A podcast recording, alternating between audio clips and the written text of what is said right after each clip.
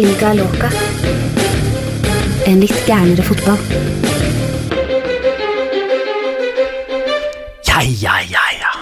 Så det er sånn introen vår egentlig høres ut. Ja, den var mye lengre enn jeg trodde. Den var det. Jeg synes, Men det er jo litt sånn trist at vi ikke gjorde noe på det. Men, det er jo Magnar sin greie, da. Ja, og Magnar er ikke her i dag, Ja, dessverre. men det er Dette her er en litt sånn uh, spesialbonuspod. Ja. Eh, Magnar er inne i dyp eh, research til eh, La Liga-sesongen, som starter om bare ni dager. Ja, han skal vel titte på disse obligatoriske kjøpsopsjonene osv., han. Ja. Og Derfor så er det meg, Petter Wæland, som er ordstyrer, og du, Jonas Giæver, som er første gjest, Hei på deg. som alltid. Og gjest nummer to, spesialgjest for anledningen. President i den skandinaviske Valencia supportergrupperinga, Che Skandinavia, Hans Christian Lange, velkommen. Takk for det. takk for det.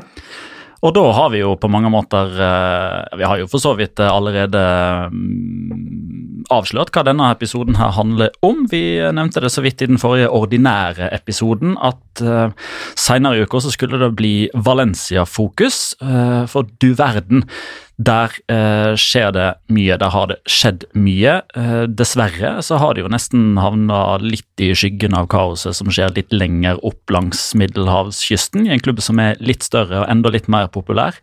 Så eh, vi skal nå forsøke å bli litt bedre kjent med Valencia og den nåværende situasjonen. Um, men for å forstå nåtida, så må vi forstå kontekst og litt historie. Um, status akkurat nå, eh, for de som eh, er semi-interesserte, er jo at Valencia eh, ikke skal spille Europacup i det hele tatt. De eh, havna for langt ned på La Liga-tabellen forrige sesong. Eh, man har sett at Ferran Torres har forsvunnet, Dani Parejo har forsvunnet, Francis Coquelin har forsvunnet og Rodrigo Moreno har forsvunnet, uten at noen har kommet inn for å erstatte de. Og Da kan man jo lure på hva er det som skjer? Og hva er det egentlig som skjer, Hans Christian? Ja, Det er virkelig en lang historie. Og vi har jo en eier fra Singapore som eh, har eh, holdt på i noen år nå. Har kommet med mer og mer lovnader, egentlig, underveis. eh, om at vi lærer, vi skal bli bedre, vi må få tid. Og så blir det egentlig bare verre. Og denne historien starter jo i, eh, i 2014. Eh, da husker jeg at jeg sto i eh, gamle Seymour Studio, Seymour som på det tidspunktet hadde La Liga-rettigheten, og dette her ble jo klart i mai 2014, og det var eh, i forbindelse med en av de siste serierundene den sesongen. Vi hadde studiosending, og da tikka det jo inn meldinger på Twitter om at nå eh, var eh, en avtale i boks med eh, Peter Lim. Og jeg husker selv at jeg satt i studio og sa at dette her er antageligvis den beste nyheten Valencia-supporterne har fått dette årtusenet. Eh, jeg kunne ha slått meg sjøl i brystet i løpet av 2018-2019-sesongen og sagt hva var det jeg sa, uh, men uh, siden 2014 så har det vært mange oppturer, enda flere nedturer. Um, og um, Vi kan jo bare begynne da allerede i 2014. Altså, hva var årsaken til at Valencia da ble solgt i utgangspunktet? Hvordan og hvorfor kom Peter Lim inn? Ja, Det er en, egentlig en lang historie som kommer fra ganske langt tilbake. Men på det tidspunktet så hadde klubben eh, over 500 millioner euro i gjeld. Eh, mesteparten av den gjelda var kortsiktig, dvs. Si at de måtte betale, betales egentlig innenfor slutten av året. Eh, og dermed så eh, måtte man finne en måte å, å løse den floka på, enten få refinansiert gjelda, som man forsøkte, eller selge klubben. Eh, og så sa banken egentlig ganske enkelt nei til å refinansiere gjelda, og da måtte man ut. Og da hadde man jo sju forskjellige tilbydere, litt av hvert. Noen costaricanske innbilte milliardærer, noen arabiske som forsvant underveis, russere som viste seg å være mafia, og ikke minst en del sånne såkalte vulture funds som eh, egentlig skulle komme inn og tømme klubben for eiendeler og selge videre. Til slutt så endte man egentlig da opp med noe annet, som så ut som det beste valget, og som nok også var det beste valget. Men eh, ja, hvordan har det gått? Det har jo ikke gått så bra. Eh, Så bakgrunnen er jo at man hadde ikke et valg. Uh, man hadde en veldig populær president, i Amadeo Salvo, som hadde fått med seg fansen, hadde malt Mestalla så det så friskt ut, og det liksom Det var på vei oppover. Uh, og man beretter grunnen for at Peter Lim skulle komme inn og løfte klubben videre. Mm. Ja, nei, altså, hva skal jeg si? Det, det, det, da det skjedde, så Det jeg husker aller, aller først, med unntak av det Petter sier, om at det var kanskje den beste nyheten Valencia-supporterne hadde fått på lang tid, var jo det at um, Petter Lim var jo på det tidspunktet veldig mye koblet med Manchester United, et oppkjøp av Manchester United, og at dette her var på en måte eh, andreplassen for han. da, At han hadde allerede kommet inn med, med lovnader om gull, gull, og grønne skoger i United, og at han skulle liksom frigjøre klubben fra Glazer-familien. Og så frigjorde han jo heller Valencia da, fra deres eh, Hva skal jeg si for noe altså problemer, da, altså de økonomiske problemene de hadde altså med, med all den gjelda, at de var gjeldsslaver. Men det som, det som gjorde at jeg meg, bet meg veldig merke i det, var det at uh, han kom inn sammen med George Mendes. At det var, det var liksom en sånn uh, et ekteskap i helvete der. At de to skulle på en måte sammen skape både et, et storlag, men kanskje også et form for farmerlag da, for uh, George Mendes-klienter, som på sett og vis kunne være grobunn for at Valencia på sikt kunne bli bedre og bedre i La Liga. Og det var jo det, hvis jeg ikke husker feil, kan du godt rette meg her, Hans Christian, om jeg tar feil, men, men Peter Lim kom jo inn og gjorde det tydelig at uh, Valencia skulle tilbake til å være den klubben som konstant var i Champions League, og på sikt skulle utfordre Real Madrid og Barcelona. Og Derfor så var det ekteskapet med George Mendes nødvendig. At det var noe som ble gjort ut av nødvendighet, og fordi at han stolte på, på George Mendes. Var det, ikke, noe, var det, ikke, det som var stem, stemte? Ja, I tillegg til det så er jo Peter Lim eh, Han er jo relativt bevandra i fotballkretser mm, fra før. Mm. Eh, han er en god venn av Peter Kenyon, som har jobba med Stemmer. Mendes tidligere. Og Mendes var faktisk en rådgiver også i selve salgsprosessen. Eh, og hadde jo allerede en kobling med Valencia rundt overgangen til Otamendi ja, året før. Stemmer. Så det lå hele tida klart for de fleste at Mendes ville ha en rolle. Uh, og Peter Lim kom jo også med tre Benfica-spillere under beltet på vei inn i Valencia. Med Rodrigo og Enzo Perez og Joao Cancelo. Ja. Så um, Ja, det, det, var de som ble kjøpt uh, fra Benfica av Meriton Holdings, var ikke det det? Sånn ja, Korrigerer meg sjøl der. Det var ikke Enzo Perez, men André Gomez. Ja, ja ikke sant. Uh, de tre ble jo løst fra kontrakten med Benfica og var da på et tidspunkt da ikke eid av en fotballklubb, men mm. et selskap som alle visste var de som var på vei inn i Valencia. Dette, sam, dette samsvarer med da Fifa bestemmer seg for at tredjeparts eierskap ikke lenger er tillatt, som gjorde at Valencia måtte kjøpe de, altså helt, helt, helt og holdent måtte gjøre de til Valencia-spillere. For det var jo aldri planlagt at Valencia egentlig skulle eie dem helt og holdent ut, men at de skulle være med å løfte Valencia opp, og så potensielt selges videre av Meriton Holdings slash, nei, slash George Mendes, som på det tidspunktet ønsket vel å tjene overgangssummer selv, virket det som. Ja, Det er jo mye spekulasjoner rundt det med overgangssummer, og hvorfor er Mendes inne?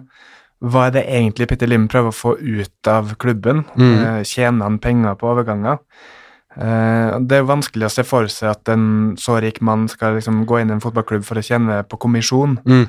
Uh, utover det så vet man jo ikke så mye om hva som egentlig skjer.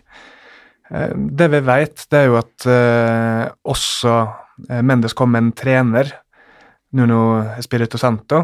Mm. Uh, og det var jo på en måte første kimen til uenighet med fansen fra Peter Lim sin side. Der han bytta ut en veldig populær Pizzi, mm. som hadde gjort det bra i andre halvdel av sesongen, uh, med Nuno. Men så gikk det jo veldig bra første sesongen. Mm. Det gikk jo Ble vel fjerdeplass av Champions League, kvalik mot Monaco. Eh, ting så bra ut. Og fansen tok imot Lim med ovasjon på Mestalla. Trodde det her skulle bli veldig, veldig bra.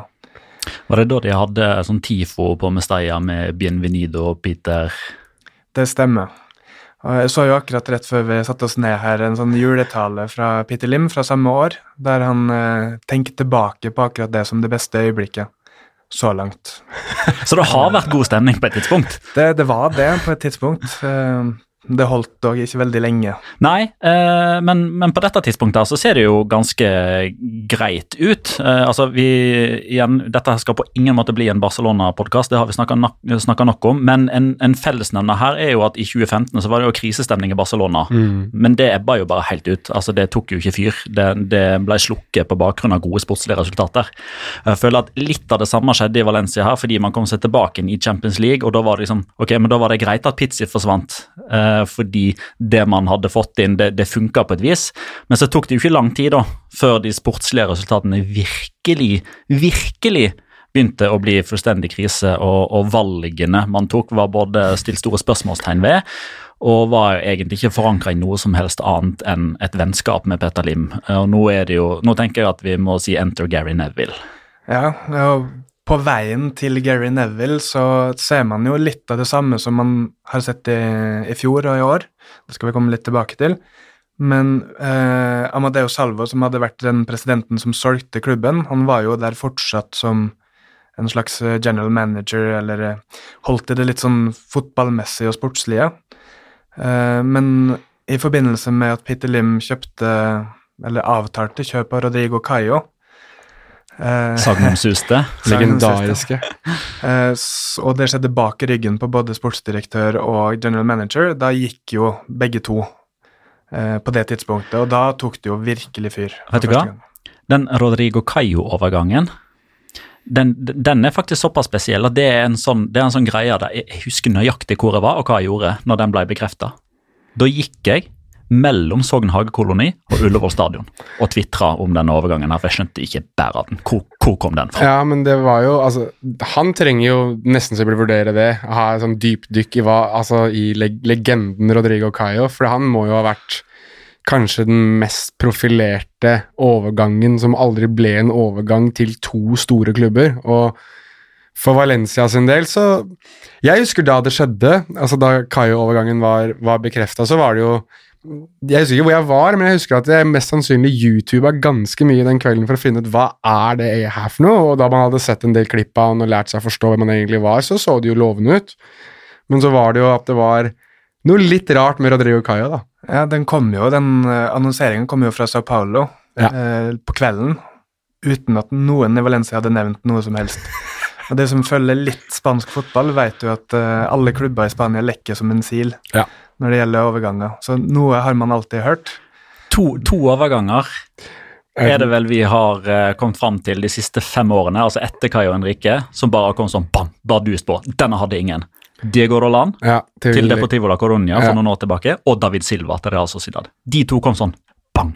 Mm. Uh, Diego Roland, uh, så som så. David Silva kommer nok til å gå ganske bra, men Kai og Henrike mm. yeah. Altså, hvis vi gå litt tilbake mot Gary Neville. Da. Det som skjer, er jo at Nuno er jo den som vinner en intern krig mot Salvo og Rofete, som er sportsdirektør. Og det er på en måte han da som styrer overgangene sammen med Mendes og Lim. Men så går det jo dårlig, eh, og publikum snur seg mot Nuno og piper han ut og ville ha han bort. Eh, og da får han jo sparken til slutt.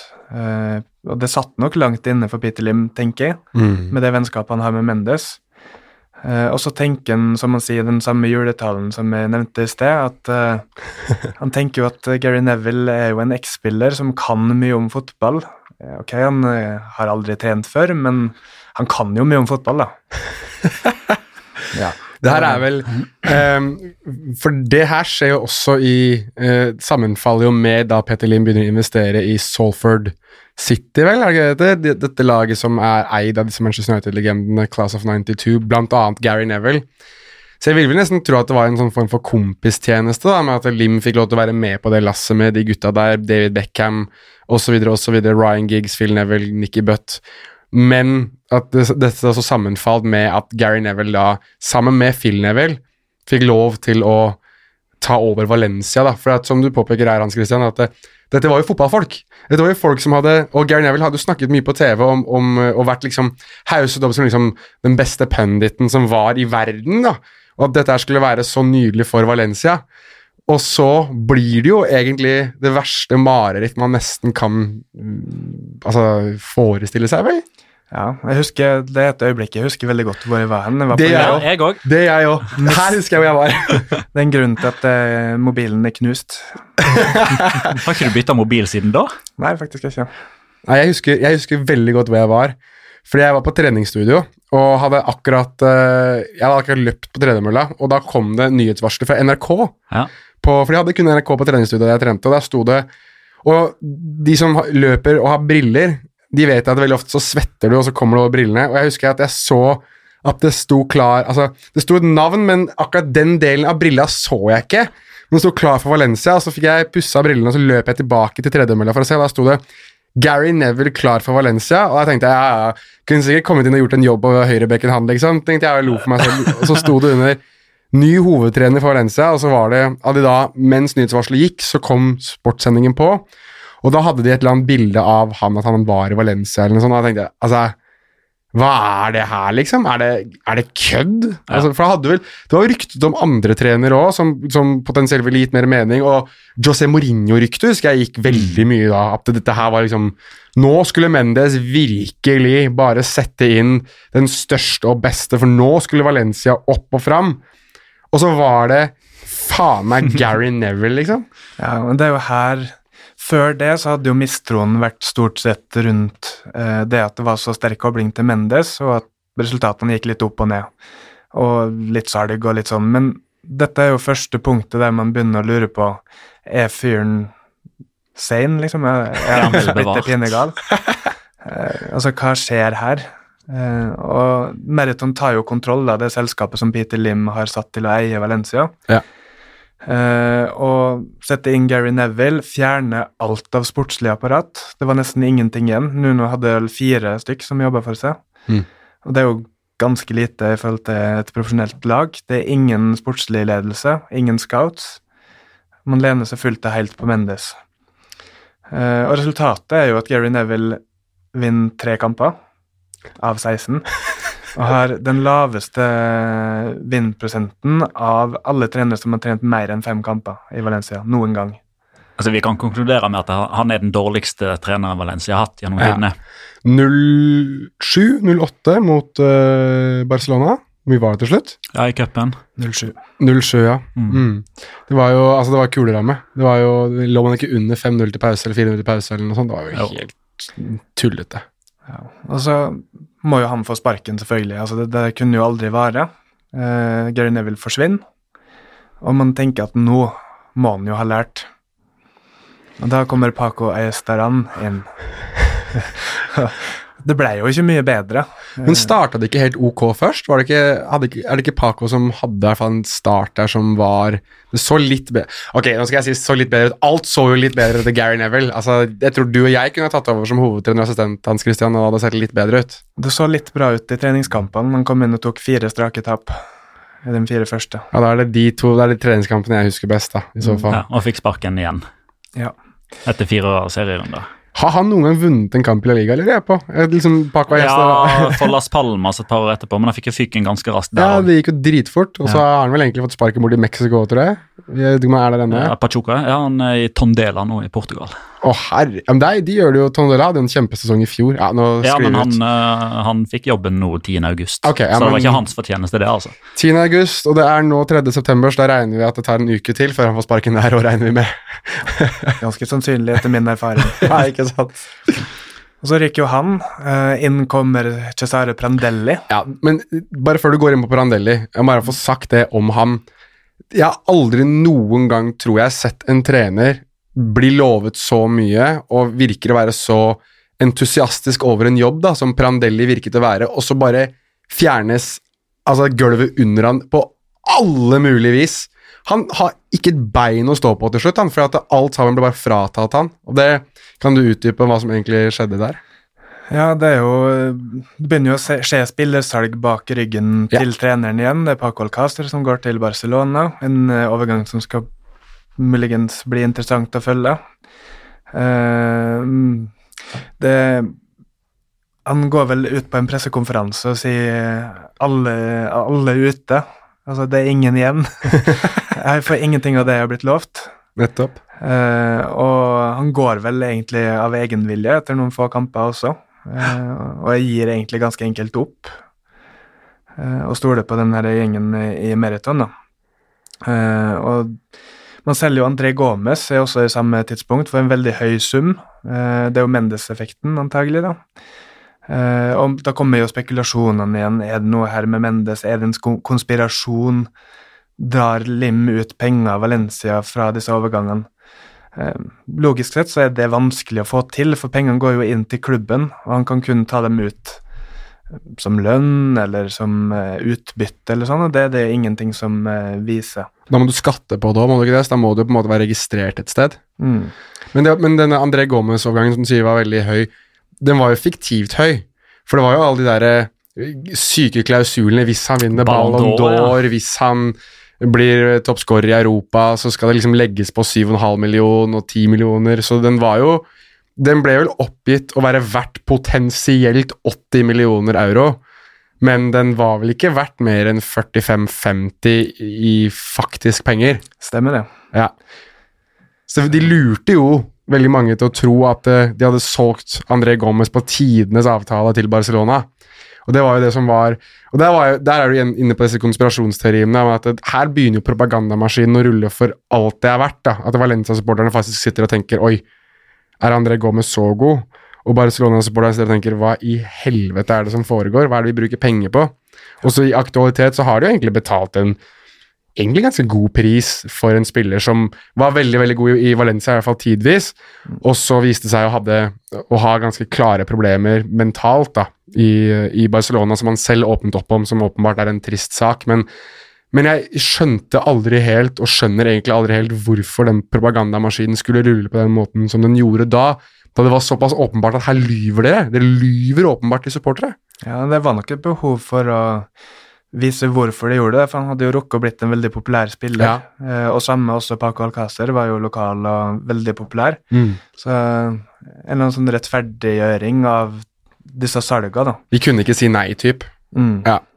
Ja, de, sånn sett så gir det jo mening, men samtidig så Med tanke på at Prandelli blir lurt såpass som det han egentlig blir, da, og det at uh, de mister Og det er det som skjer i, i, i aktualiteten, og det er jo det som skjer med de spillerne de har nå, at de, de gir dem jo egentlig Nå selger de jo for dårlige summer òg, altså det er jo lave summer, og noen gis vekk osv. Den gangen så kunne du i hvert fall forsvare det med at det her henter man inn store summer som de i hvert fall den gang sa og har gjort litt òg. Reinvestert i laget. altså De har i hvert fall forsøkt, og så er det mye bomkjøp som vi skal inn på her, mest sannsynlig. Ja. Adelan Santos og alle mulige andre Abdenor. Aymen Abdenor og det som er. Det er mye rart, men, men åpenbart så er det i hvert fall et ønske om reinvestering, og prøve å finne en annen måte å gjøre Valencia kanskje mer fruktbare på i lengden. Um, men samtidig så Den propagandamaskinen ga ikke mening da, og den gir enda mindre mening nå i hva angår overganger. da. Og der, der tror jeg vi treffer veldig mye av essensen til hvorfor irritasjonen levde da, og så stiller den jo selvfølgelig under den treneren som kommer nå snart, eh, og altså i historien til, til Hans Christian som kommer snart, men har blusset enda mer opp igjen nå, for jeg tror at det er mye gammel frustrasjon som nå er oppe igjen, fordi at det er så åpenbart at vi har en propagandamaskin som har sust og sust og sust i det i Valencia. Hvordan var forholdet til pressen i den uh, fasen her? Ja, det var da vi begynte å se at klubben lukka seg, eh, egentlig mot pressen, mot fansen, som da for første gang begynte å snuse mot Peter Lim, som hadde blitt tatt imot som en helt, og nå ble håna egentlig på stadion. Dattera begynte å få eh, noen Instagram-meldinger som hun satte lite pris på, og begynte sin krig mot fansen, som eh, Fortsatt, fortsatt. Ja, fytte rakkeren.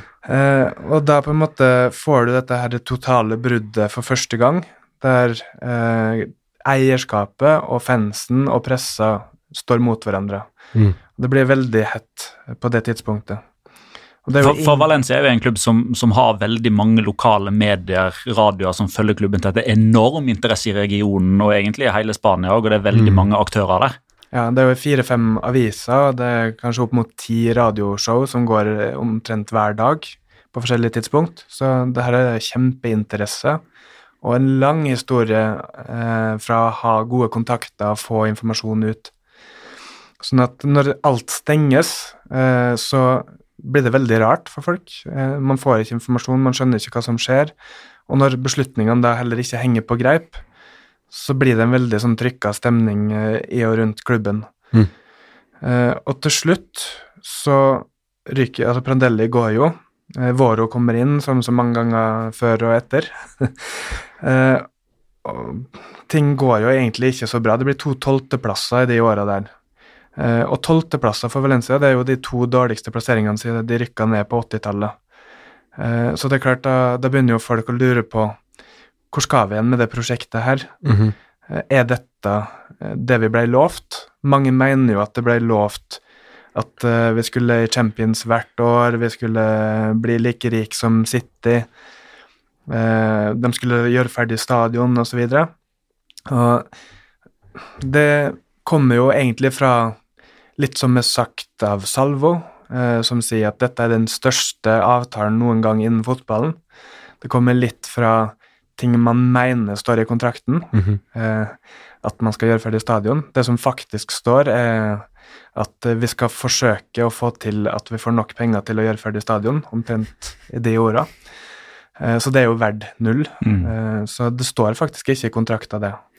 Nei, for det er en stadion Altså, det prosjektet nye Mestalla, det er jo Det er jo noe som jeg Når vi får lov til å reise igjen, da, så anbefaler jeg jo alle som drar til Valencia for å se kamp, og det håper jeg at det er flere enn tidligere, så er det jo Det er nesten en opplevelse i seg selv, det å kjøre forbi eller gå til nye Mestalla og se den stadion, for den står jo bokstavelig talt og råtner på sokkel.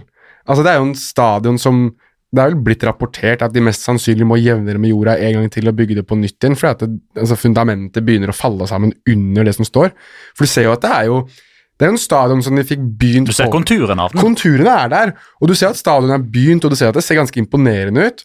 Men det er jo åpenbart at det, det, har, det har jo stått så lenge at det her må jo sementen på en måte begynne å smuldre opp under. Og der stoppa man på dagen, gjorde man ikke det? Fikk man ikke bare beskjed om at dropp det dere har i hendene og gå ut?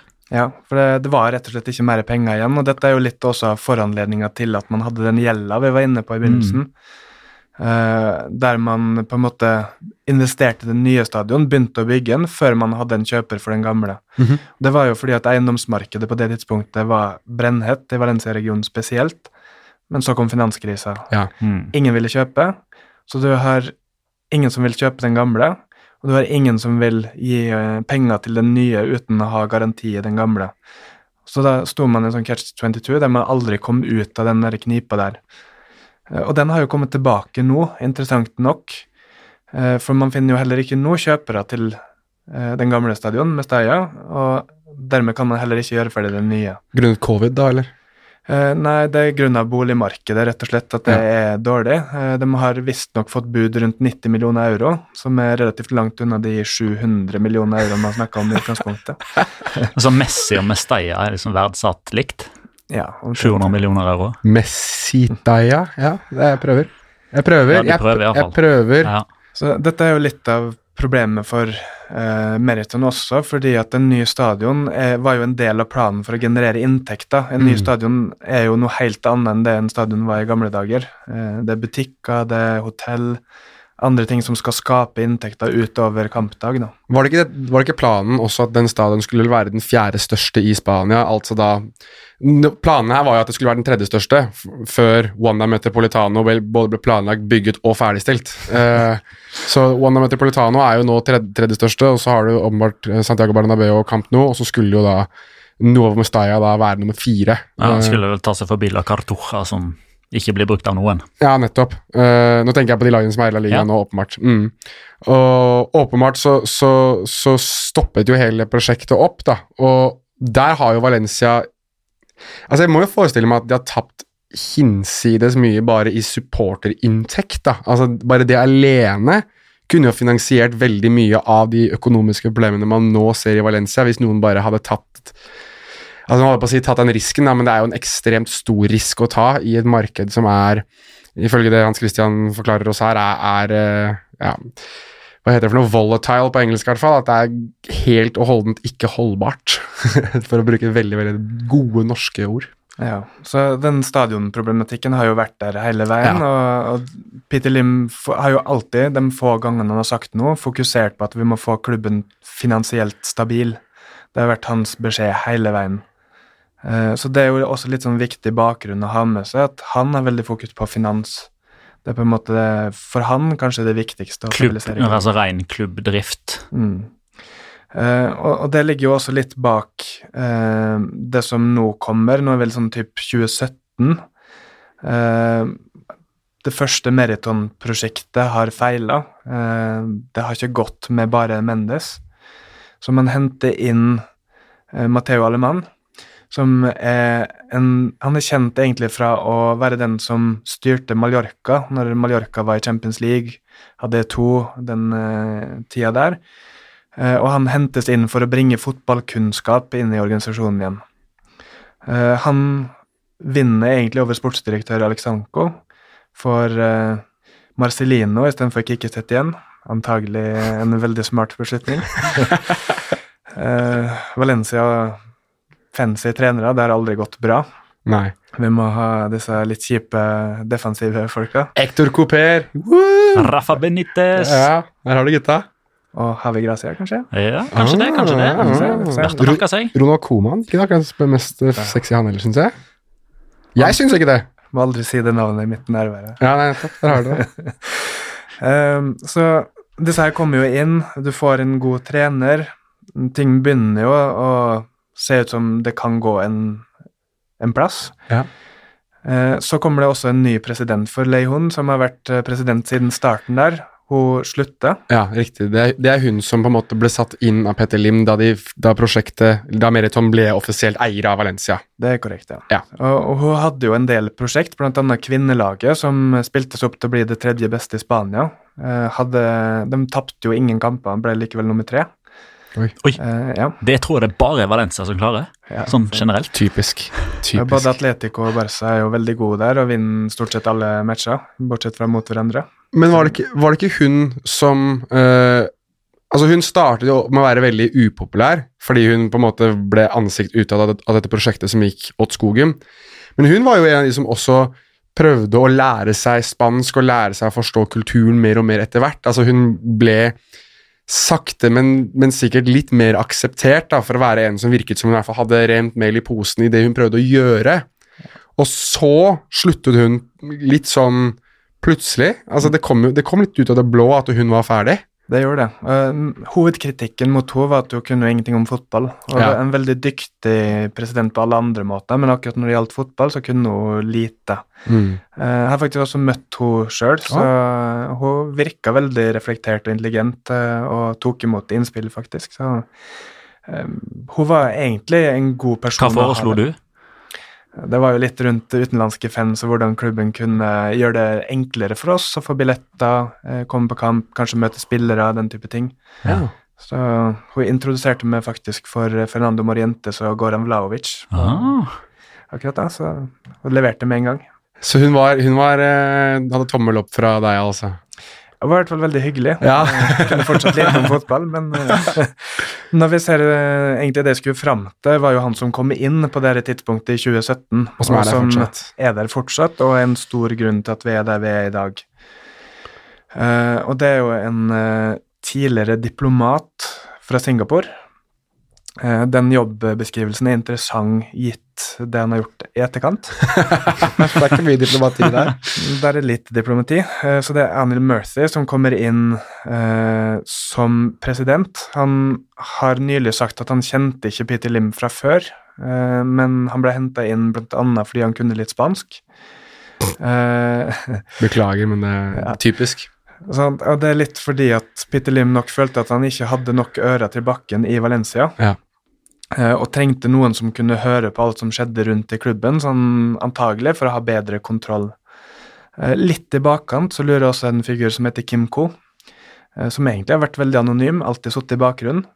Men det er et navn som liksom har sett veldig ofte, men har liksom aldri helt klart å plassere han. Hva står han for? Hvem er han? Han er alltid nevnt i forbindelse med, med Anil Murthy. At han er liksom en Han er en del, men han virker mer som en sånn Det er veldig spansk begrep, men dere skjønner det, så kan jeg bare forklare det. En sånn mano negra. En kar som styrer uten at noen egentlig vet at han er der.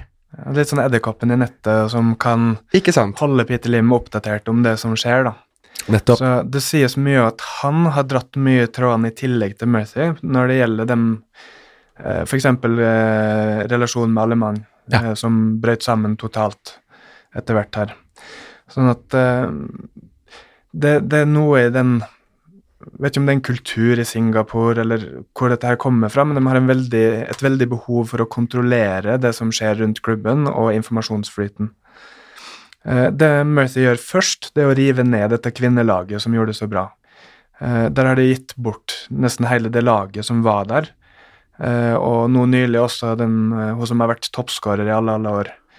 Eh, Sånn at nå er det ingenting igjen av det kvinnelaget. Eh, Levante har jo gått langt forbi. Men Vet man noe om bakgrunnen for det? Var det et sånn aktivt valg med at dette vil vi ikke være med på lenger, eller var det for å eh, håper jeg, styrte det eh, en tidligere president hadde gjort, eller fant man egentlig ut av det? Det er vel ikke kjent akkurat hva som er grunnen, men det antag antageligvis litt med finanser å gjøre. At man vil fokusere midlene på andre ting. Ja, Man prioriterte, prioriterte det bort. Ja, rett og slett. Mm. Eh, og ikke så muligheten, kanskje, med kvinnefotball. Og også det er sagt at Murthy og Leihon kommer ikke veldig godt overens. Nei. Og blant annet så skal spillerne ha bedt Leihon om å kontakte Lim direkte, fordi de ikke stoler på Murthy lenger. Ikke sant. Ja, Så ikke sant. han er jo Det er viktig å ha med seg han i historien her, at han har vært en faktor som ikke har bidratt positivt i stemninga i klubben Nei. i det hele tatt. Hm.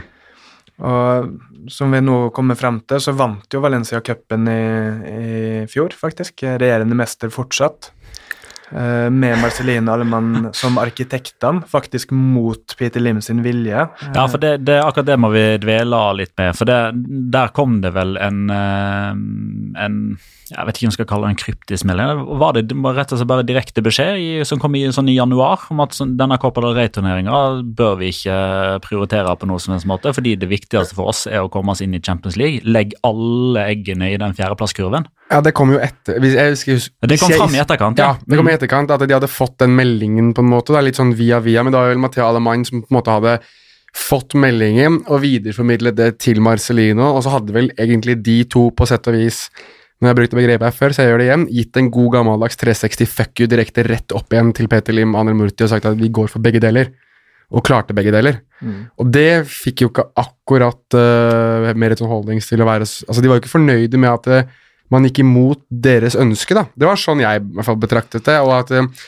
Marcelino og Mer Marcelino enn Alemann, egentlig, men, men veldig tydelig begynte å vise at det, dette her er ikke greit lenger, liksom. Nå, nå må jeg få styre altså, og Pet, Du vet jo dette er Petter som har hatt Marcelino også i Villarreal, og sett han i Villarreal. Han er jo ikke en type som klarer å holde emosjonene sine så veldig ofte i sjakk. Du ser det på han veldig fort at det, og han, i uttalelsene hans og måten han er på, at uh, han er ikke en kar som holder tilbake en. Han er ikke en uh, nikkedukke for noen. Det er sånn jeg alltid har opp, eh, tenkt om, om Marcelino, da, og det kommer veldig tydelig fram. Og det er nok korrekt. Og vi ser vel det at lojalitet er veldig viktig for Meriton. At også tidligere har de kvitta seg med spillere, de har kvitta seg med ansatte som har opponert mot de beslutningene som tas lenger, lenger opp. Da. De forventer på en måte bare execution. Mm. Uh, og det, det har de jo sagt egentlig ganske åpent, at de forventer at de skal ha noen i klubben som bare skal gjøre det de får beskjed om. Mm -hmm. uh, Så, så det er jo også litt av bildet her, at det på en måte i modellen de ser for seg, så er det ikke rom for folk som kan fotball, da.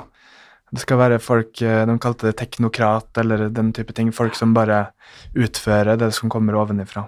Men jeg føler det, det er liksom litt av kimen til liksom alle problemene her. Eh, jeg føler jo at det riktige som eh, eier, som den som styrer sjappa, må jo kunne være å til en viss grad innse at man ikke sitter med alle de riktige svarene sjøl.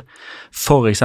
når det viser seg da at Eh, ok, greit, alle mann og Marcelino gjorde ikke nøyaktig det de fikk beskjed om, men det valget de tok, den beslutningen de tok, det gjorde faktisk noe til det bedre for klubben. Vi fikk fjerdeplassen som vi ville at de skulle få, og de vant cupen i tillegg.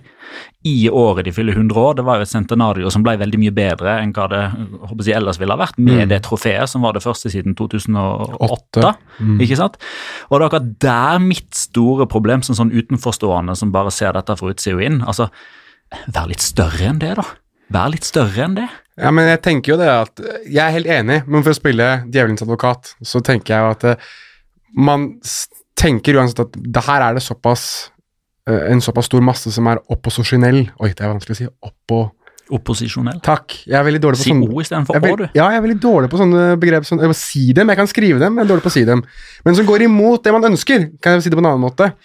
Og da tror jeg det at hvis du på sett og vis får en aksept for det, eller aksepterer det, så er det også Jeg tror kanskje at det er kulturmessig eller noe sånt, at man da blir, blir opp, tenkt på som svak. At hvis du kommer unna med det, så tenker man altså at man kommer unna med mer. Og da må Petter Lim og Anne Murti kanskje bare sette foten ned og si dette her finner vi oss ikke i. Og det er jo det de gjør. Ja, på mange måter så er det jo det de gjør, og du ser at Alemann forsvant, Marcelino forsvant, Parejo forsvant, Coquelin forsvant. Nå er du inne på denne sommeren her, ja. Denne sommeren her, sant, alle som backa Marcelino, har én etter én blitt vist døra ut av klubben. Eh, Til og med gratis, eh, selv om man er kaptein og akkurat har løfta et cuptrofé. Så det er klart her at det betyr mye mer for dem med lojalitet. Tydeligvis en finanser, eller at, at man faktisk har en verdi i klubben, og at man har en kultur det går an å få prestasjoner ut av.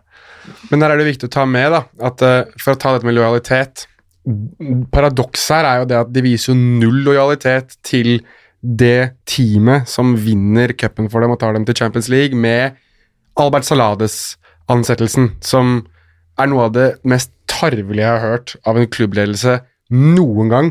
At de flyr ham til Singapore mens Marcelino fortsatt er trener i Valencia. Mens det murrer, så flyr de Albert Salades til Singapore, møter Peter Lim, signerer kontrakt med Albert Salades bak ryggen til Marcelino og sparker Marcelino, og så forsvinner jo også alle mann etter det, da.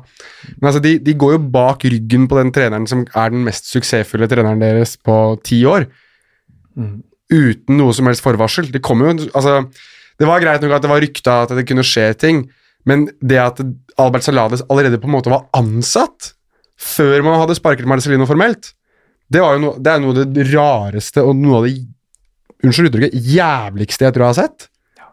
Men det er litt sånne handlinger som gjør at fansen blir veldig mistroiske overfor eh, Meriton og, den, og Peter Lim og, og ledelsen her.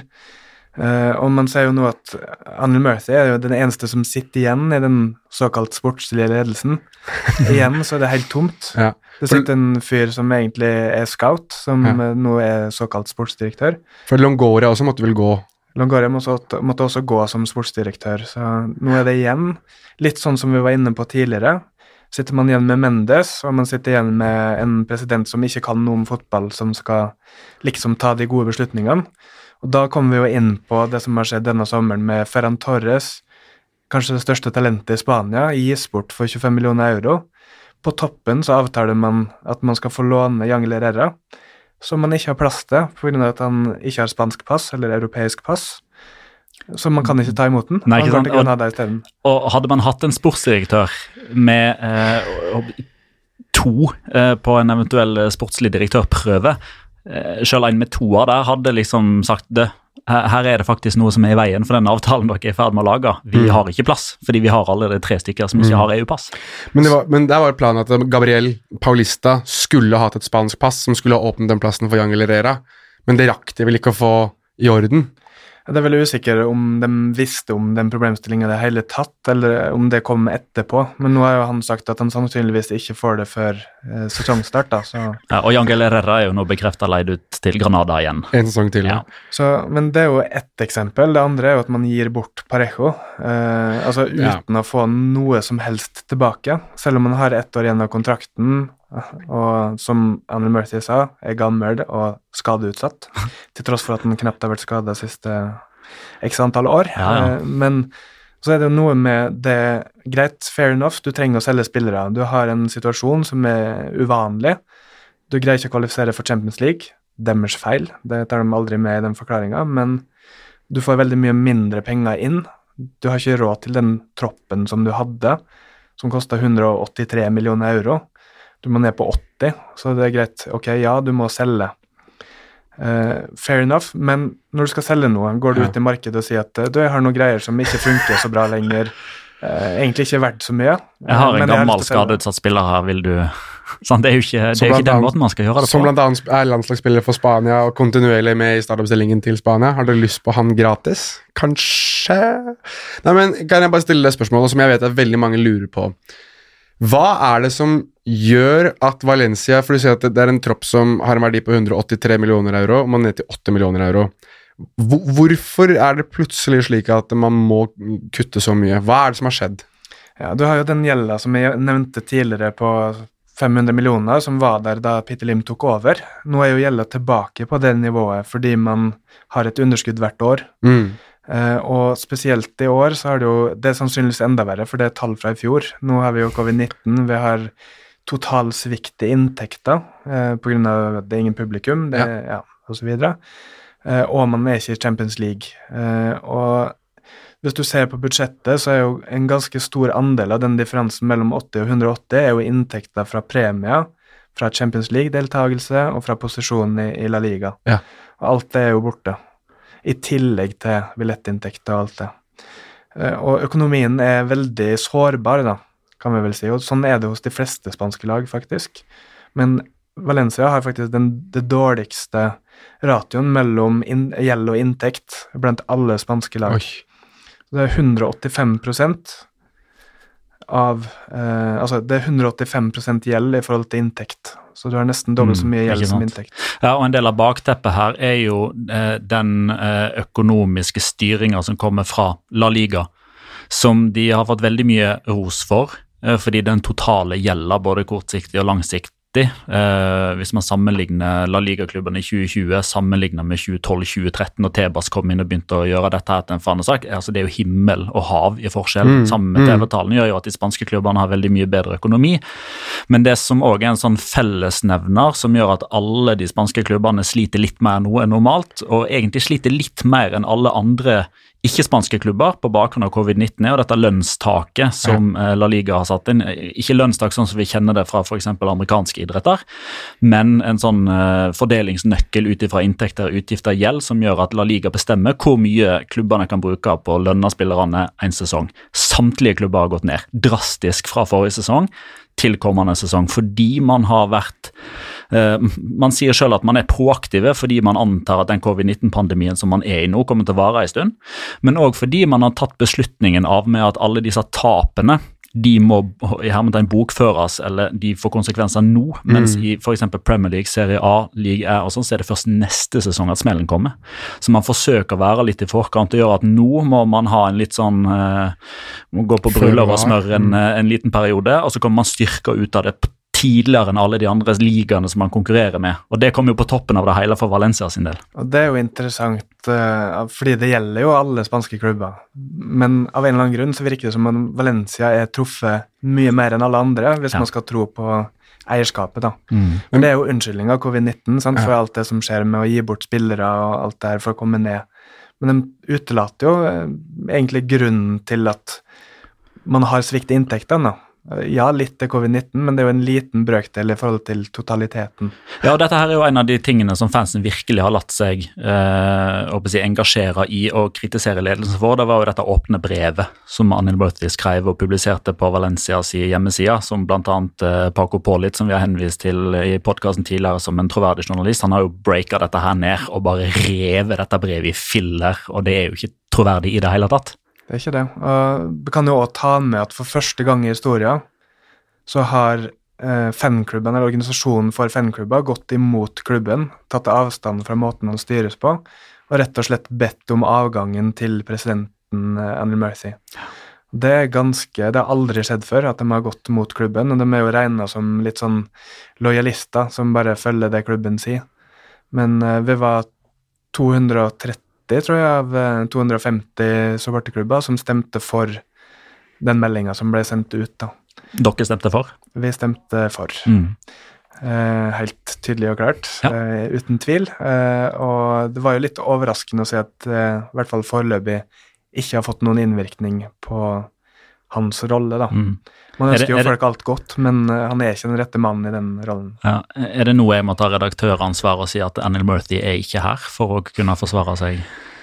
Jeg tror nok han hadde hatt en form for tilsvarsrett, ja, hvis jeg skal gå tilbake til min journalistiske læring, men jeg tror han har hatt veldig mange um, muligheter til tilsvar der han har takket nei, så jeg tror nok man har lov til å omtale dette her uten å nødvendigvis måtte gå på akkord og finne ut om han vil si noe Ja, til vår vi, podkast. vi lar den gå med særdeles god samvittighet. Ja. Skal vi ta en liten eh, sånn eh, sidehistorie også da, om Anil Murthy? Fordi at uh, for noen år siden så var han på en samling med noen lokale journalister, men som fortsatt var gode venner med dem og tok en kaffe i tid og utide, holdt på å si.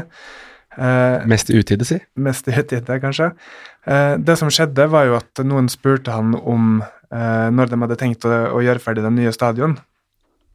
Eh, og så si historia, dette kan vi ikke bekrefte, men alle journalistene som var der, sier det samme. da. Eh, Ifølge de du har snakket med, så dette er jo journalister som sier det, eh, Ja, ja. og som var der. Eh, så skal han altså ha dratt ned buksa og vist rumpa til journalistene.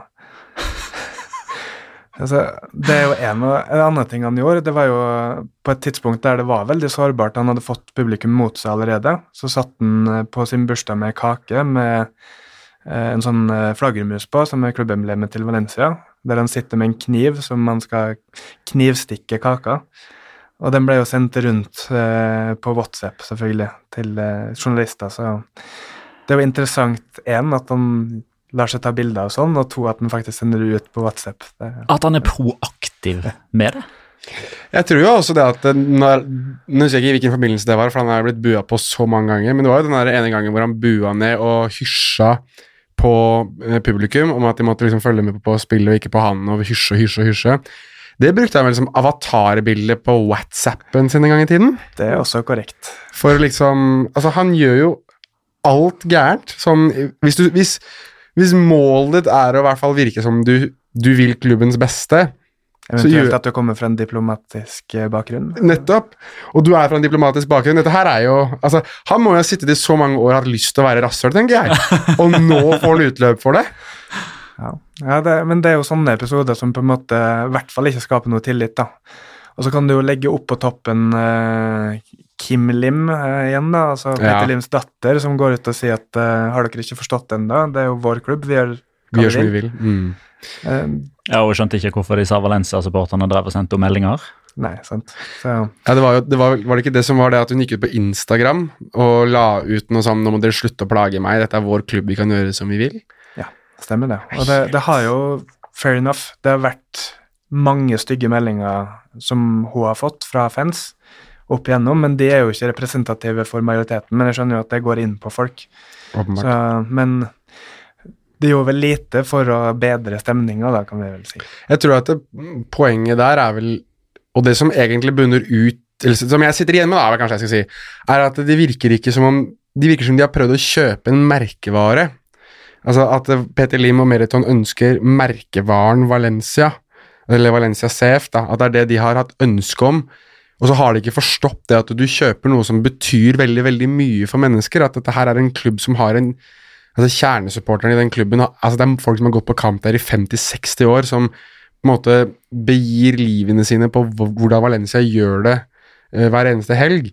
Og også nye supportere som kommer opp som har hatt tradisjon med å gå med besteforeldre og foreldre på kamp. Altså Jeg tror bare at de har tenkt at her skal vi kjøpe noe som kan tjene oss penger på sikt, og som kan bli en global merkevare, uten å tenke på sjela til klubben. da. Og det har jo blitt tydeligere og tydeliggjort annet av, spesielt av, Anel Murti sin oppførsel, og også da åpenbart det at Kim Lim har fått nok da, og oppfører seg på den måten hun gjør. Hvis vi prøver å samle noen tråder, da, så har vi på en måte den forståelsen av kulturen. Mm. Vi har oppførselen. Vi har mangelen på fotballkompetanse i klubben, og at de på en måte virker ikke å lære at det er viktig, selv om man har vært gjennom det et par ganger nå. Du har finansene, som har vært hovedargumentet hele veien på at dette går faktisk litt bra. Det ser vi jo nå at det, det gjør jo ikke det. Det går virkelig dårlig. Eh, og så har du på en måte det at det går så opp og ned. Mm. Eh, og man skryter av en eh, ungdomspolicy, og likevel selger den beste billig til England. Så det er liksom mange tråder her som sammen gir et uh, ganske dårlig sluttprodukt, da. Er det enda en tråd på det stykket med ull, med at man forsøker å hysje uh, de journalistene som er kritiske, altså generalen f.eks.? Generalen, for eksempel, han har jo vært veldig hissig i det siste. Ja, så- Ektor Gomez, eh, som han heter. Ja, han har jo blitt stengt ute fra Ja. Mestalla eh, fordi han har skrevet negative ting om Enel Murthy. Eh, og Ja. han er ikke den første.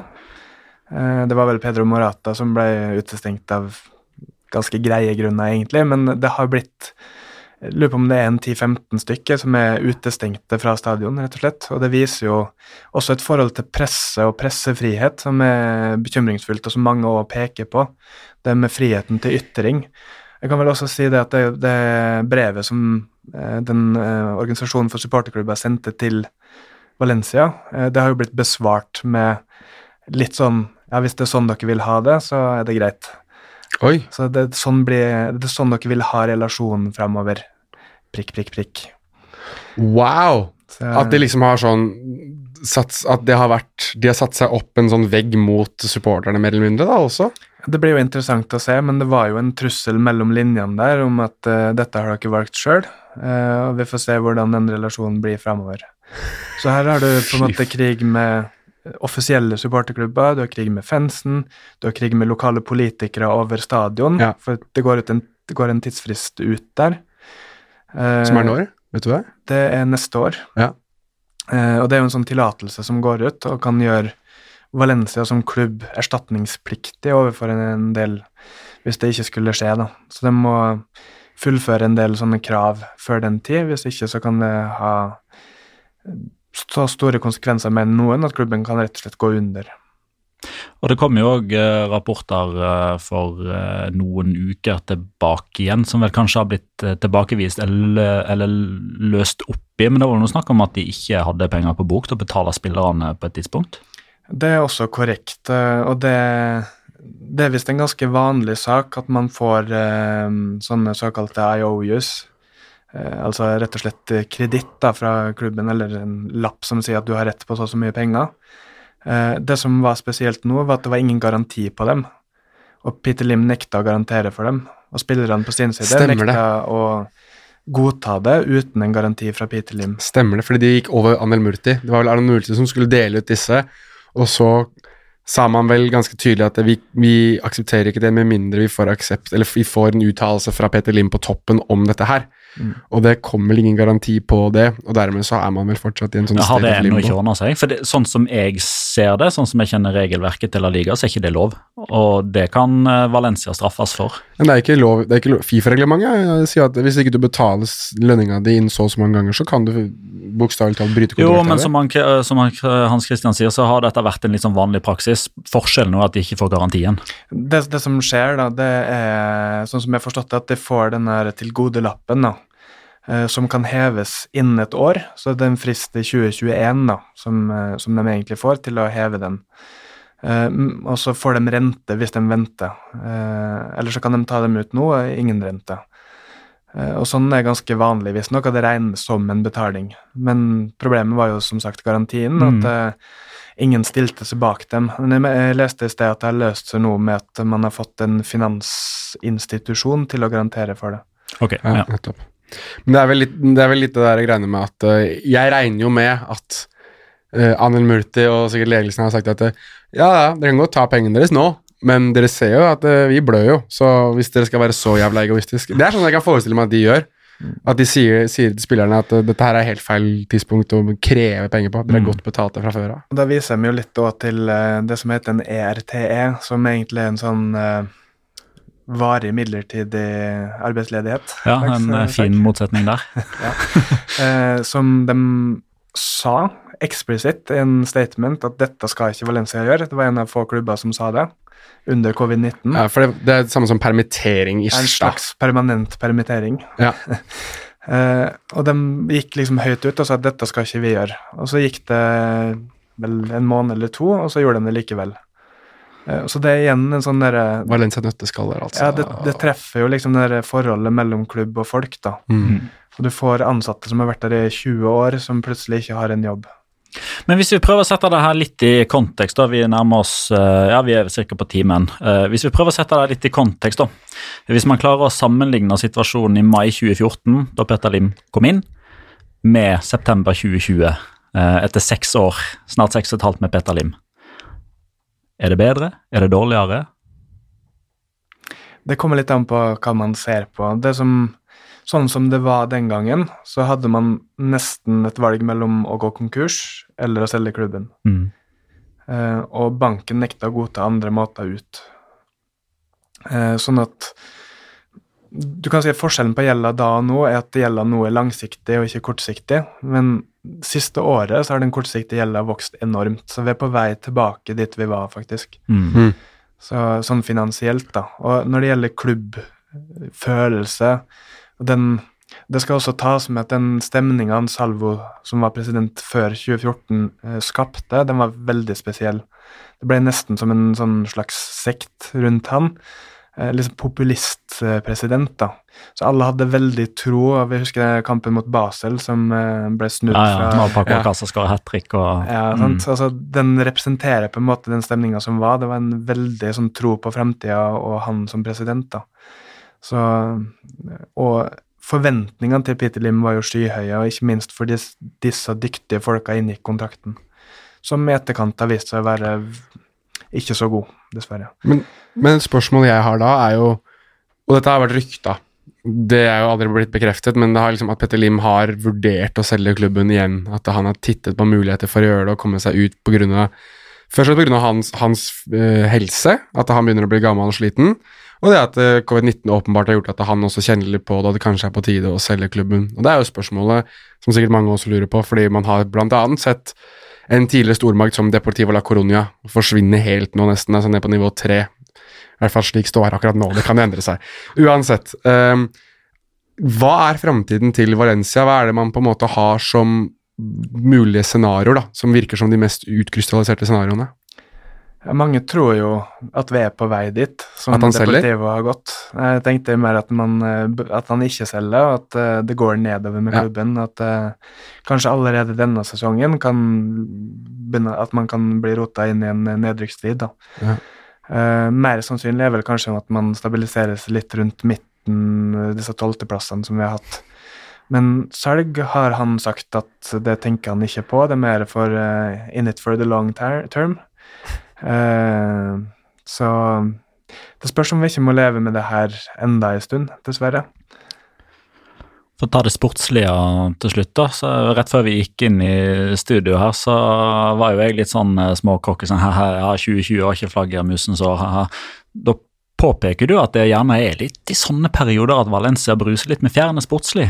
Ja, det er rart det der. Alltid når det går dårlig rundt, så går det bra på banen, eh, og omvendt. Når det er ro i kretsen rundt klubben, så går det ofte dårlig. Da blir man litt for eh, Ja, jeg vet ikke. Det, det funker i hvert fall ikke sånn i Valencia. Det må liksom være litt bråk i Valencia for at uh, man skal prestere. det er litt sånn som Italia og fotball-VM. sant? Det, Ikke det sant? må være litt bråk. Calciopoli, og så går de og vinner VM, ja. Ja, nei, altså Personlig så tenker jeg jo at eh, Jeg har sett Deportivo la Coronia og, og Malaga også, eh, for så vidt. Um, Malaga litt mer grunnet prosjektet sitt. Deportivo la Coronia grunnet den sammenfattede historien som på veldig mange måter ligner litt på Valencia sin, da, i forhold til det å vinne La Liga, det å være en toppklubb, spille Champions League. Nå var de riktignok i semifinale, Valencia i finale, og så at det daler litt mer nedover. Nå har jo åpenbart situasjonen til Deportivo la Colonia vært mye mer kritisk. da, At de har hatt et par nedrykk og et par opprykk og nedrykk og opprykk, og nå ned på nivå tre. Um, men jeg mener jo det at det, det er mange likhetstrekk, og det er mange likhetstrekk i forhold til det å, å oppføre seg økonomisk veldig uansvarlig og ha eiere som rett og slett har skylapper for hvordan realiteten har vært lenge, da, og hvordan man egentlig burde drifte en fotballklubb. Og da er jo Har man diskutert det? At, det, at man har At potensialet er at man kan ende opp der? At man nesten forsvinner litt i, i eh, nedover ligasystemene? Det er jo en frykt folk har, helt klart. Mm. Uh, og man ser liksom at de lærer ikke. Nei. Nå har de gjort det her to ganger, og det er ingen tegn til at de lærer. Det blir derimot bare verre. Mm. Man har færre folk som kan fotball, færre som kan å bygge en klubbstruktur. Uh, og det virker ikke som man skjønner at det er veien til suksess. Uh, sånn at mange lever i den frykten at Valencia kommer til å gå samme vei. Ferran Torres er borte, Coquelin er borte, Parejo, Rodrigo. Forventer du, frykter du at flere går? Det er sagt at eh, minst én spiller til må gå. Da ønsker de jo å selge Sillesen, eh, for eksempel, da. Men det er jo vanskelig å finne et marked for en keeper som i utgangspunktet kosta 35-40 millioner euro i en relativt uh, fiktiv Ja, overgang. apropos. Nei, er for de som ikke husker, det er jo da i fjor sommer da Neto og Jasper Sillesen bytta plass i Barcelona og Valencia, som åpenbart har jo Vi har snakket om å ta et par likheter her. um, for vel nøyaktig samme sum, bare på ulike datoer, for at det skulle rime med da um, periodene for uh, Hva blir det for noe? Uh, Det er Det utgift og ja. inntekt som føres på de forskjellige tidspunkt. Der har du det, på de ulike Altså For det ene av de gj- gj- gjaldt den gamle sesongen, og den andre gjaldt den nye sesongen som kom. Inntekten kommer i da, i dagens eh, sesong, og så blir utgiften i neste. Nettopp. nettopp. Så da ga det jo for så vidt Litt sånn som man nå har gjort i Barcelona med Pjanic og Arthur, Ja. som da tydeligvis er en ny måte å drive med triksing og fiksing på. Det man er selvfølgelig redd for, det er jo at eh, det skal bli en spiller man ikke har lyst til å miste, eh, blant fansen i hvert fall, som, som Er det går isteden. er det Gaia som er liksom den store skrekken, eller? Eh, Jeg tror ikke de selger Gaia, med mindre han ikke går med på ny kontrakt. Han har jo foreløpig sagt nei, da, så vi får se. Eh, Men han har jo blitt kaptein og litt sånn forbilde nå. Ja, jeg føler Maxi litt Gomez er vel mitt uh... Ja. Ja, ikke sant. Ja, ja for der òg har du eh, Han er jo for... Han ser mye eldre ut enn han er. Eller jeg, jeg føler at han er eldre enn hva han er, men han er vel ikke mer enn 22? Er han 23? Nei. Spist mye, vet du. Han, gigant. Det har vel vært snakket om at Barcelona vurderer han som en, en, et billigere alternativ til Lautaro Martinez, nå som det ser ut til at Luis Suárez forsvinner. Mm. Så ble det jo interessant å se da, når vi tatt opp en hel haug med ungdommer fra et uh, Valencia Mestalla-lag som uh, så vidt overlevde i Segunda B. Så ja, det blir spennende. Ja. Jeg er ikke nede på blokka, jeg, Petter. Nei, ikke jeg heller. Jeg føler at vi har Har vi sagt det meste nå? Ja, det tror jeg. Jeg har vært innom mye. Har vært innom mye. Det har vært en, eh, en drøy time med Valencia-prat. Endelig så har vi blitt eh, mer kloke på eh, hva som har skjedd, hva som ikke har skjedd, og så har vi drodla litt om hva som skal skje. Det får tida vise. Det vi vet, er at på mandag da kommer sesongpreviewen. Da Mm. kommer tabelltipset, hvor, hvor vi setter Valencia. Det får dere vente og se noen dager. Men vi legger oss jo bak øret at det pleier å gå bra når det stormer. Ja, nettopp. Og, nettopp. og litt senere denne uka da, så kommer det òg noen sånne kjappe presentasjoner av de nyopprykka lagene. Da skal vi snakke sånn 15-20 minutter om Elche, om eh, Uesca Og og om eh, Cádiz. Og så er det altså da La Liga start eh, fredag 11. september. Det gleder vi oss til. Kan jeg få lov til å ta det for en gangs skyld? Tar det, du? Takk for at du lytta, kjære lytter. Ha det, da.